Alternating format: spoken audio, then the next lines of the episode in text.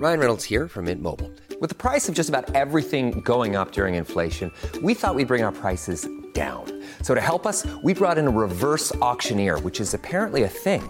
Mint Mobile unlimited premium wireless. Ready to get 30, 30, bit to get 30, bit to get 20, 20, 20, bit to get 20, 20, bit to get 15, 15, 15, 15 just 15 bucks a month. So, Give it a try at mintmobile.com slash switch. $45 upfront for three months plus taxes and fees. Promo rate for new customers for limited time. Unlimited more than 40 gigabytes per month. Slows. Full terms at mintmobile.com.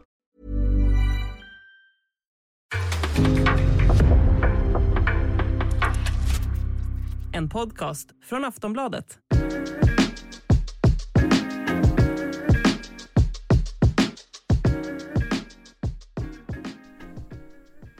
Ja, Allsvenska podden är tillbaka och idag blir det lite komprimerat eh, schema här. Vi ska ta en liten kort genomgång och sen ska vi eh, även snacka lite om januariturnén som tas ut här mitt upp i VM-hetsen och jag har en halvt nervös Makoto Asahara med mig här. För det är ju Dags för den stora matchen snart. Ja, alltså... Japan, Kroatien i VM åttondel. Det här trodde du inte, det var så roligt när jag pratade med dig senast. Då var du säker på att Japan inte skulle komma med.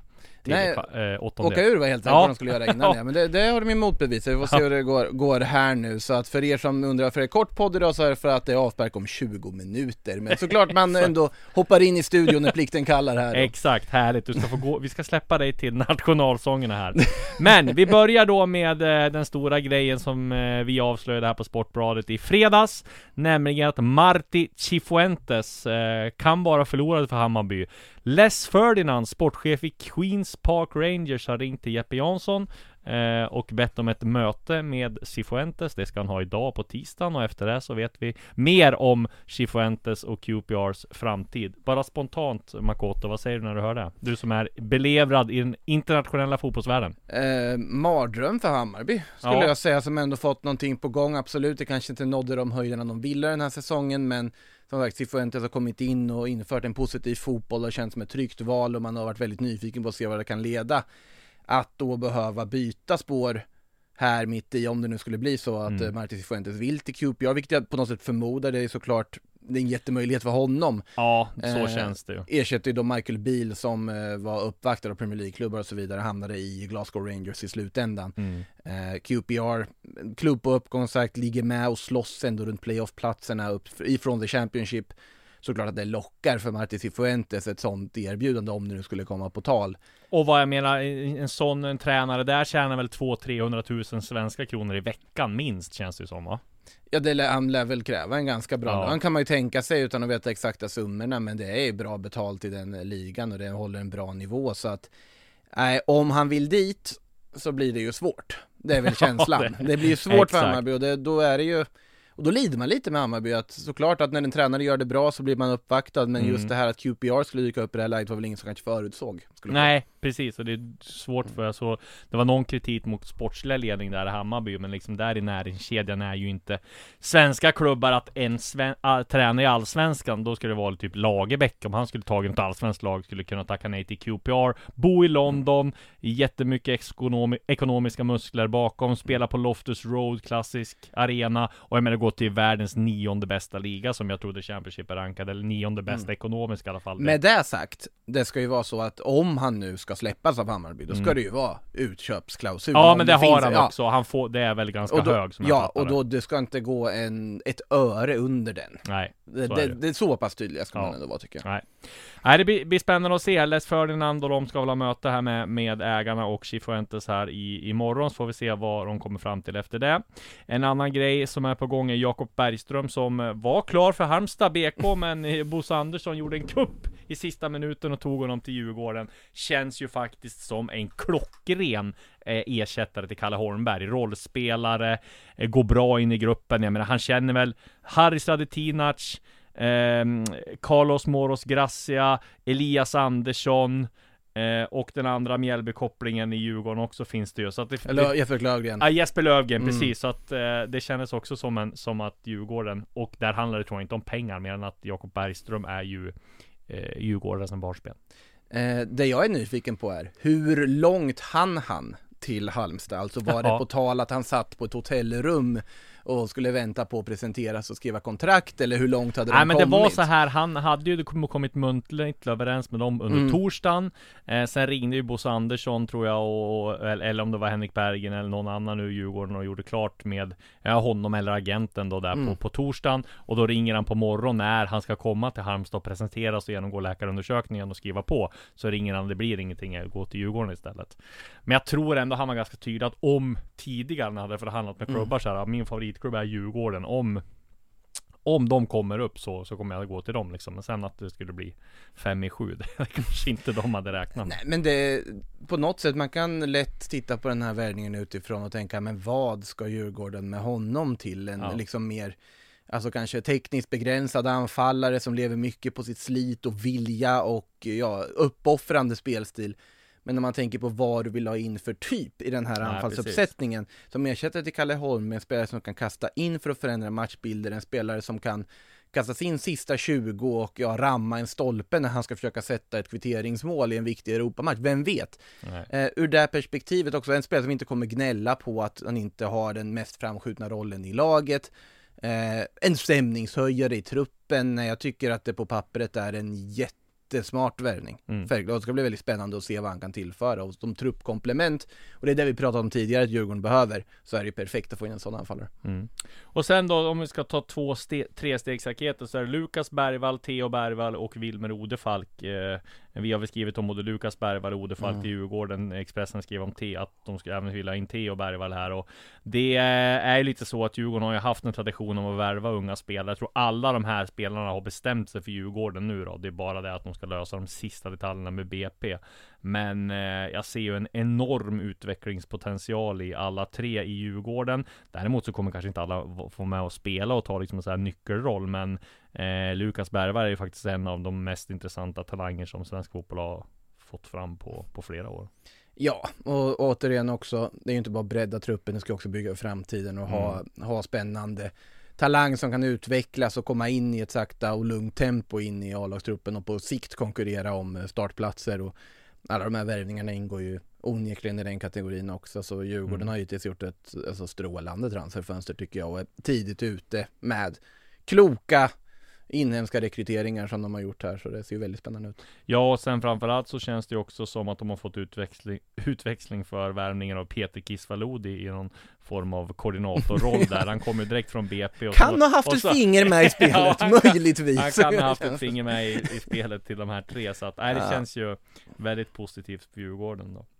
Och går vi till, eh, går vi till konkurrenten AIK så gjorde de klart med Rui Modesto här, en ytterback från Honka i Finland. Där har man ju fina eh, poängskörd, eh, både mål och, och, och assist i framspelningen i facit. Samtidigt så vet man ju väldigt lite om de här värvningarna just från ehm, från finska ligan. Kan ju slå lite olika. Albion Ademi hade ju väldigt fina stats han också. Mm. Men Rui Modesto tror jag kommer passa bra in i AIK. Där är det ju också så att han ersätter väl Joe Mendes där som jag fattar det som att det finns utländskt intresse från. Och eh, han kan nog komma att sälja. Så då blir det väl normalt att det blir 81 då. Och så Rui Modesto. Men det är en högerspringare Ja, högerytter, ja. precis. Så att det blir spännande att se.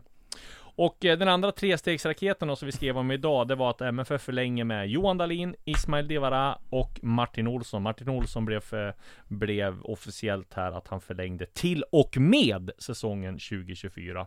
Men Eh. till och med, det vill säga alltså över år. säsong, okej, Ja. det är inte över 2024. Jo, det är alltså till 2025. Ja Alltså, exakt. kontrakt- Kontraktet, sträcker, kontraktet går ut 31 december 2024. Ja, exakt. som ett- han- över Ja, säsongen precis. 2024. Och att han får två år till kanske var lite oväntat då med tanke på att han har haft lite skadeproblem. Men är ju ändå en ledare. Eh, han är bra ytterback när han spelar. Han har varit lite skadad. Men sen det jag tror framförallt att Malmö har tänkt är att han även kan spela mittback. Ja, Eh, och det är väl det som då känns det ganska logiskt. Och sen då, att förlänga både med Johan Dahlin som fick ett längre kontrakt som hade ett år kvar på sitt kontrakt. Det tror jag också har att göra med att man ser honom i en roll i klubben även nästa år. Eller även efter karriären menar jag. Och sen så vill man ju inte spräcka tror jag ett målvaktspar. Nu Ismail Diawara hade ut kontrakt. Ja vad hade alternativet varit då? Jo men det hade varit kanske ta, tagit in Werner Hahn. Det hade blivit jättedyrt. Är det billigare att förlänga och att den här personkemin mellan Dahlin och Diawara är ganska klockren. Så att det Det känns ju som att det blev en del reaktioner på sociala medier att Malmö, det blev ju hån från typ supportrarna, alla andra lagssupportrar att Ja men eh, nu börjar föryngringen och bla bla bla Men, Ja, fast men det alltså, är ändå, som- känns som- ändå logiskt Ja men om du har ett bra målvaktspar som fungerar på det här sättet och Diawara är redo uppenbarligen då att ha den här rotationsrollen bakom Dalin. Mm. Vet inte om det finns något löfte om att han ska kunna vara en första kandidat då på sikt när Dalin kanske Säkert så, Så, det ja, men oavsett, du har, ja, enligt mig i alla fall, allsvenskan, om man då tittar i bredd också, bästa Mm. målvaktspar. Du har, du har en backup i Diawara, skulle platsa i vilken annan allsvensk klubb som helst. Du har eh, Dalin som är en av, om inte den bästa målvakten i serien. Såklart att det är, eh, ja, det finns ju andra målvakter också som absolut konkurrerar där, Nordfeldt Mm. och så vidare med, men är det, det är väl självklart att om du kan göra det här så är det väl en jättebra lösning. Nu tycker jag Werner han är otroligt bra. Ja jag håller med helt. Eh, jag, tycker, jag håller honom väldigt högt men när du har den här möjligheten att lägga pengarna på något annat också. Så att det känns som en bra lösning för MFF. Och eh, en annan grej som har varit på tapeten och som vi skrev om här, det är att Oskar Hiljemark är en tränare som Kalmar FF har varit i kontakt med. Jag förstår att det kan eh, verka lite Ja, konstigt här. betoning på tränare här nu alltså ja, ändå. exakt. Eh, med tanke på att Hiljemark har haft en väldigt kort karriär, men han var ju i Årborg då, eh, assisterande, Mm. blev interim när eh, F- Fries fick sparken och eh, blev assisterande till Erik Hamrén nu.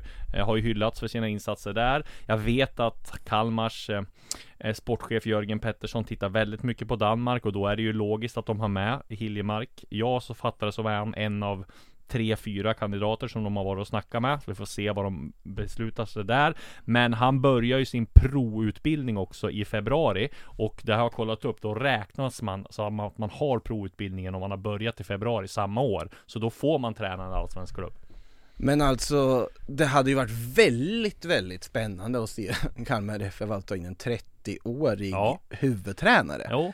Och men det, i- men det är ju ja. det som är lite på modet nu. Daniel Bäckström, han kom in som 30-åring. Kim Hellberg kom in som ung. Och eh, ser liksom kopplingarna Ja. med Rydström och det här. Det man vill väl- ha ett modenamn liksom. Det blir väl mer att man också reagerar just för att Hiljemark har en så pass framgångsrik aktiv Så är karriär.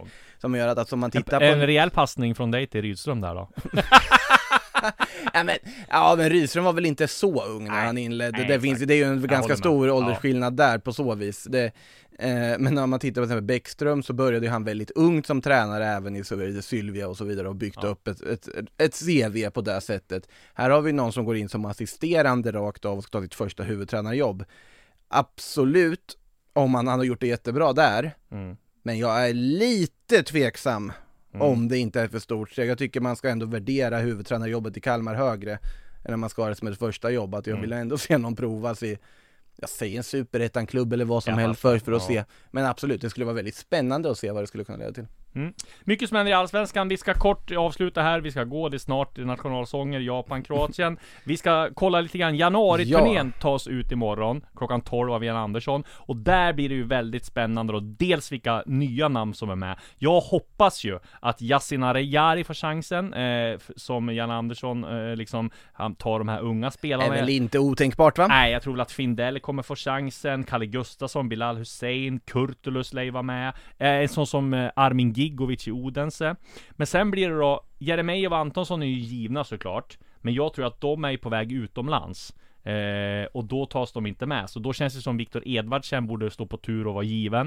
Eh, med tanke på vad han har gjort och med tanke på att han var, eh, vad heter det, mm, aktuell även förra året. Är det en sån som Ludvig, eh, Ludvigsson i Hammarby lär vara med. Eh, kommer Besara med eller tar man in eh, yngre förmågor? Det finns där är ju en ganska intressant, det beror ju lite på, om du tar en äldre spelare ska det ju vara någon som du faktiskt ser potential att spela Ja. i A-laget redan nu. Ett skrällnamn, Ja. om jag bara gissar. Ja. Vi nämnde honom förut. Är det helt otänkbart att Jakob Bergström skulle dyka upp i en trupp? ja, det tror jag faktiskt. Ja men som stämning så är det bara för att han, han bidrar med någonting annat. Ja. Är, det, är det helt otänkbart? Nej, det är nog mer logiskt med, med uh, Ajari. Ja, Samuel Gustafsson kommer med såklart också. Och, Samuel men- Gustafsson och ja, även Simon är väl, eh, om, om, även om tillgängliga så är tycker de solklara att vara med. Eh, ja det, men det finns ju många man kan välja på här såklart. Eh, Vi tar Ja det, det är alltid lika spännande, för det är alltid något så här namn som man inte riktigt förväntar sig Nej. ska dyka upp som alltid är med i de här trupperna som man Nej men en sån som Bångsbo ska ju med.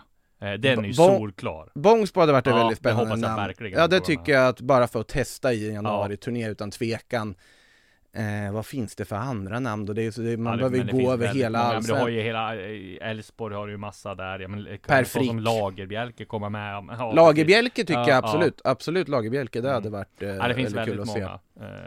många. Eh. Faraj, Ja, Omar Faraj kanske kommer med. Många, en del i U21 också.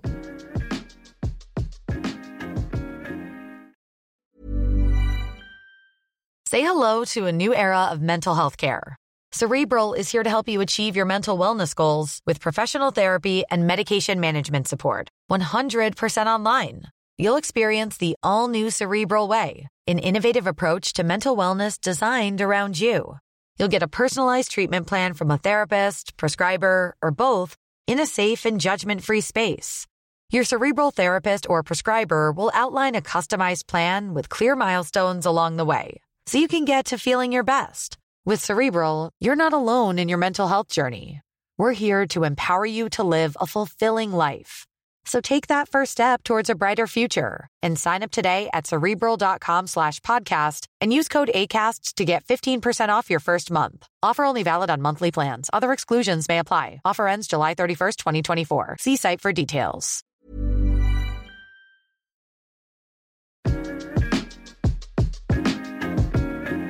Ja, då har vi med oss Linn Nordström direkt från Qatar och Doha. Du, eh, hur är läget där nere och vad gör du just nu?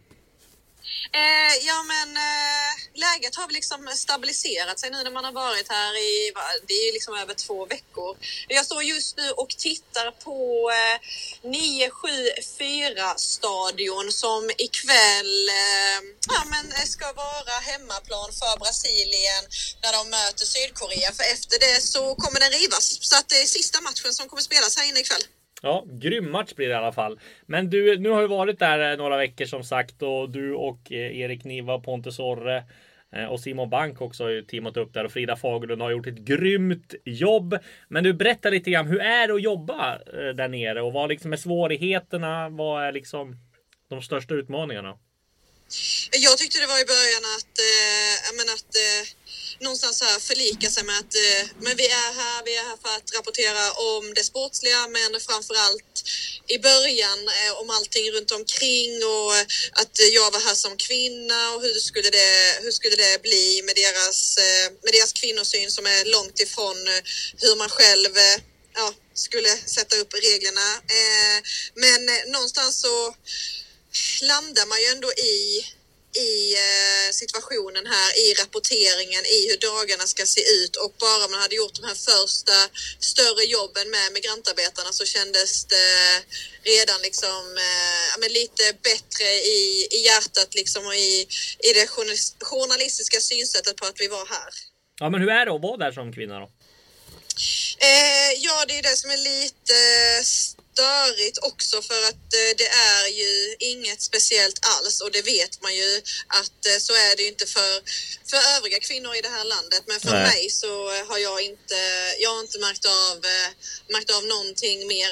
Men jag har inte heller så här, jag har, jag har rätt så mycket liksom lössittande kläder, det är långärmat, det är långbent och eh, sen har vi ju, alltså visst att vi har rört oss ganska mycket utanför Fifas områden men ändå inte ändå inte rört oss så mycket liksom eh, ute på, på gatorna där man kanske skulle kunna märka av det mera.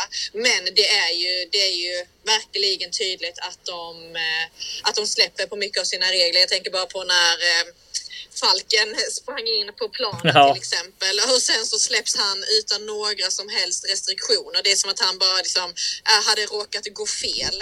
Eh, så att det finns, ju, det finns ju ingen rimlighet i hur vi blir behandlade nu gentemot hur det är här i vanliga fall. Nej, precis. Men du, ni har, du, ni har ju dagliga chattar klockan nio på morgonen här, du och Erik Ja, Niva, visst. där även Bank och eh, Frida har varit med. Men du, hur har det varit att gjort de här reportagen om migrantarbetarna och vad får man för liksom mottagande då när man åker ut och träffar dem? Jo, eh, det, var, det var skönt, eh, precis som jag sa innan, att vi gjorde det så tidigt. Eh, under vår resa här. Att vi liksom eh, började förstå att det var något märkligt som hände där eh, liksom en timme utanför stan. Eh, och eh, vi såg att något eh, eh bolag hade varit ute och filmat migrantarbetarna som då fick se matcherna på storbildsskärmar. Men sen eh, började jag väl titta lite närmare på det och förstod egentligen hur märkligt det var att den här fanzonen låg så långt eh, utanför stan där allt annat låg. Och sen så ja, såg vi det här stora migrantboendet som var bredvid och eh, då var vi där ute nästan en hel dag för att verkligen få en eh, ja, men en så bra bild som möjligt av situationen där och pratade med mycket modiga människor runt omkring det som vågade berätta vad de hade sett och vad de hade upplevt. Och det, var, det var väldigt speciellt eh, både för mig och eh, Pontus Orre att vara där ute och jag tror att det var väldigt, eh, väldigt eh, ja, men, nyttigt att vi gjorde det så tidigt på mästerskapet för sen var det väldigt jobbigt för, eh, för hjärnan när man skulle lämna de migrantarbetarna som hade byggt och har byggt alla de här arenorna som vi är på som är helt fantastiska och sen skulle man in till Lusail som är den eh, stora finalarenan som är helt liksom, dränkt i guld och ja. det går ju inte att inte bli hänförd av den. Men det blir det är mycket för hjärnan att processa när man kommer hem och lägger sig efter en dag. Ja, jag förstår det. Men vad, vad, vad sa migrantarbetarna? Hur beskrev de deras vardag och, och leverne där nere? Ja, men de, eh, de vad ska jag säga, de vet ju inte så mycket annat heller. De är ju här för att skicka hem pengar till sina familjer. Mm. Så att deras mission är ju liksom eh, ja, men, eh, fullbordat när de kan skicka hem 80 procent av de här 5 000 som de tjänar i månaden för att deras små syskon ska kunna gå i skola. Eh, och sen har de ju fått ledigt många under VM så att när vi träffar dem så har de ju, då hade de ju varit lediga i en vecka så då är de ju inte lika utpumpade som de är annars när de jobbar de här 12 timmars dagarna, eh, sex dagar eh, sex dagar i veckan. Eh, så att de, de är ändå liksom vid, eh, ja, men vid, vid gott mod liksom och de förstår väl att deras situation är utsatt. Det var ju det var inte så att de alltså, gömde undan att om de får ett bättre erbjudande så åker de någon annanstans. Men det var verkligen inte så att det var att de klagade på det heller. Nej, jag förstår det. Nej, vi ska fortsätta följa rapporteringen eh, eran därifrån. Eh, som vanligt intressant. Och du skulle på Brasilien matchen ikväll. Vad, vad, tror, vad, kan du, vad tror du? Säg något kort om den då. Nej, men eh, först och främst nu så är det ju det är fortfarande upplösning här nu. När jag lämnade mediacentret så, eh, så stod det 1-1 mellan Kroatien och Japan så var ja. det ju skitspännande och nu här inne på den här tajta arenan liksom att eh, det ska in eh, massa, massa, massa brassar här som ska bara stå och sjunga fram sitt lag.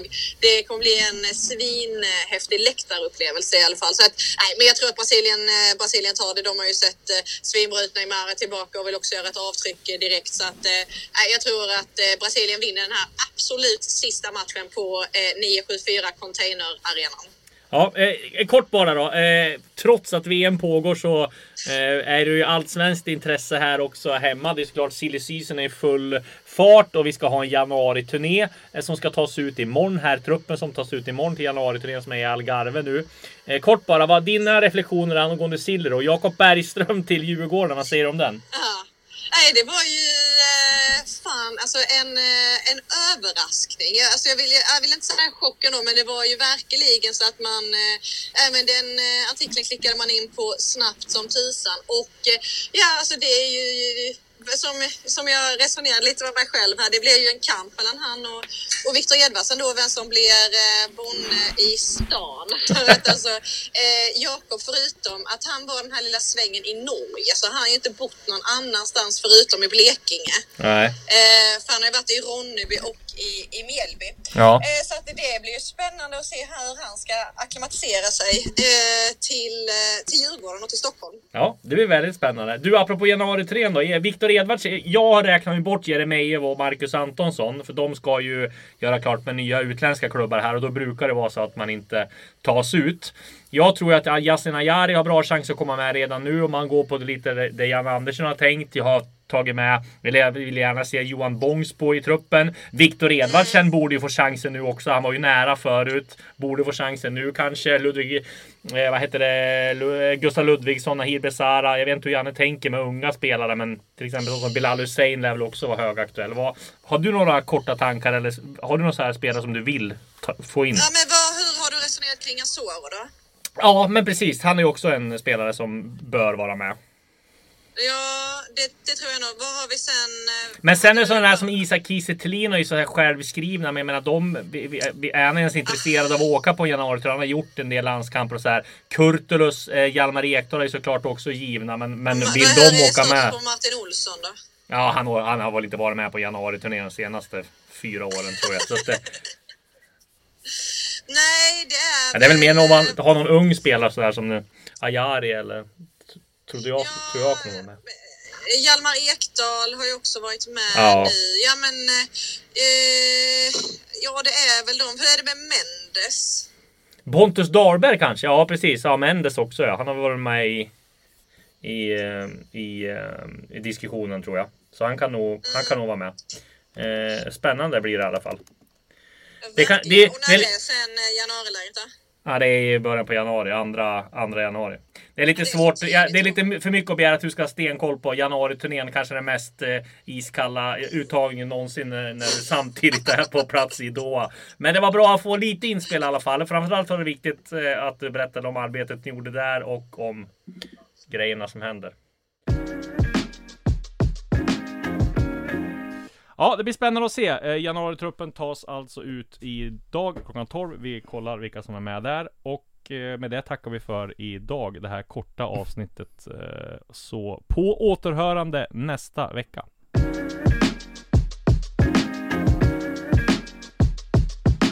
Du har lyssnat på en podcast från Aftonbladet. Ansvarig utgivare är Lena K Samuelsson.